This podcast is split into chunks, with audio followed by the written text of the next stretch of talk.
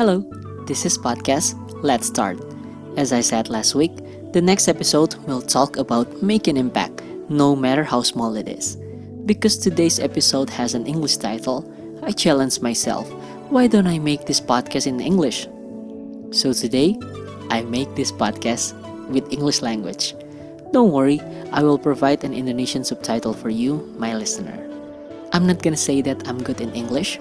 Maybe there's gonna be a grammar or pronunciation mistakes, but I will try because when I don't try this, I'll be haunted with some curious feelings. I'm your host, Geraldo Marcel. Let's start.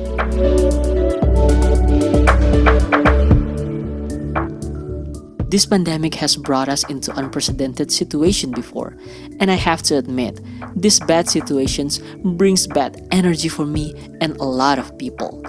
Some of us are facing difficulties. Some people lose their jobs. Some people can't find jobs. Some people are trapped with toxic people, toxic environments that cannot help them to achieve something great and be the best version of themselves. Economic problem disrupts many aspects of our life, including our mental wellness.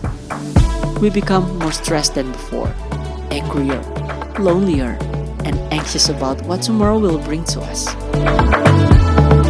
But it doesn't mean that we have to live with that bad energy. Negativity will always be around us, and so as positivity. So, what we can do to make an impact? Do we have to wait for a miracle or great things to happen to us? Or just start with little things? I choose the second option. Start with little things. I accept those negativities and I try to change them into positive actions. I'm starting to make some change in my life. Little things that help me learning and growing. This is the reason why I started this podcast. I try to understand what I feel and put it into writings. I try to see things the way they are, not the things that I want to see. Remember this you can only make a change in reality if you change yourself first and develop some new mindsets. Be around people who accept you the way you are and support you even in your difficult times. Learn empathy, the art of standing on other people's shoes. Small steps leads you to big opportunities. Small steps lead you to big opportunities.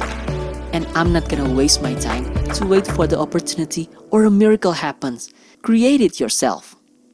We are capable of doing great things for humanity. And I believe that God gives us the gift of wisdom so we can use that wisdom to seek knowledge and to help and educate each other. I will always remember this quote from Samratulangi Sitou, Timou, Tumoto, living human to humanize others. Okay, that's all from me. I'm grateful for having a family and friends who supports me and helps me to accept the way I am and to be able to realize that I will never be alone. I'm so happy to know that I have an amazing God who loves me, takes good care of me, and always provide what I need. I always believe in his time. These times are hard for me and it really affects my mental health.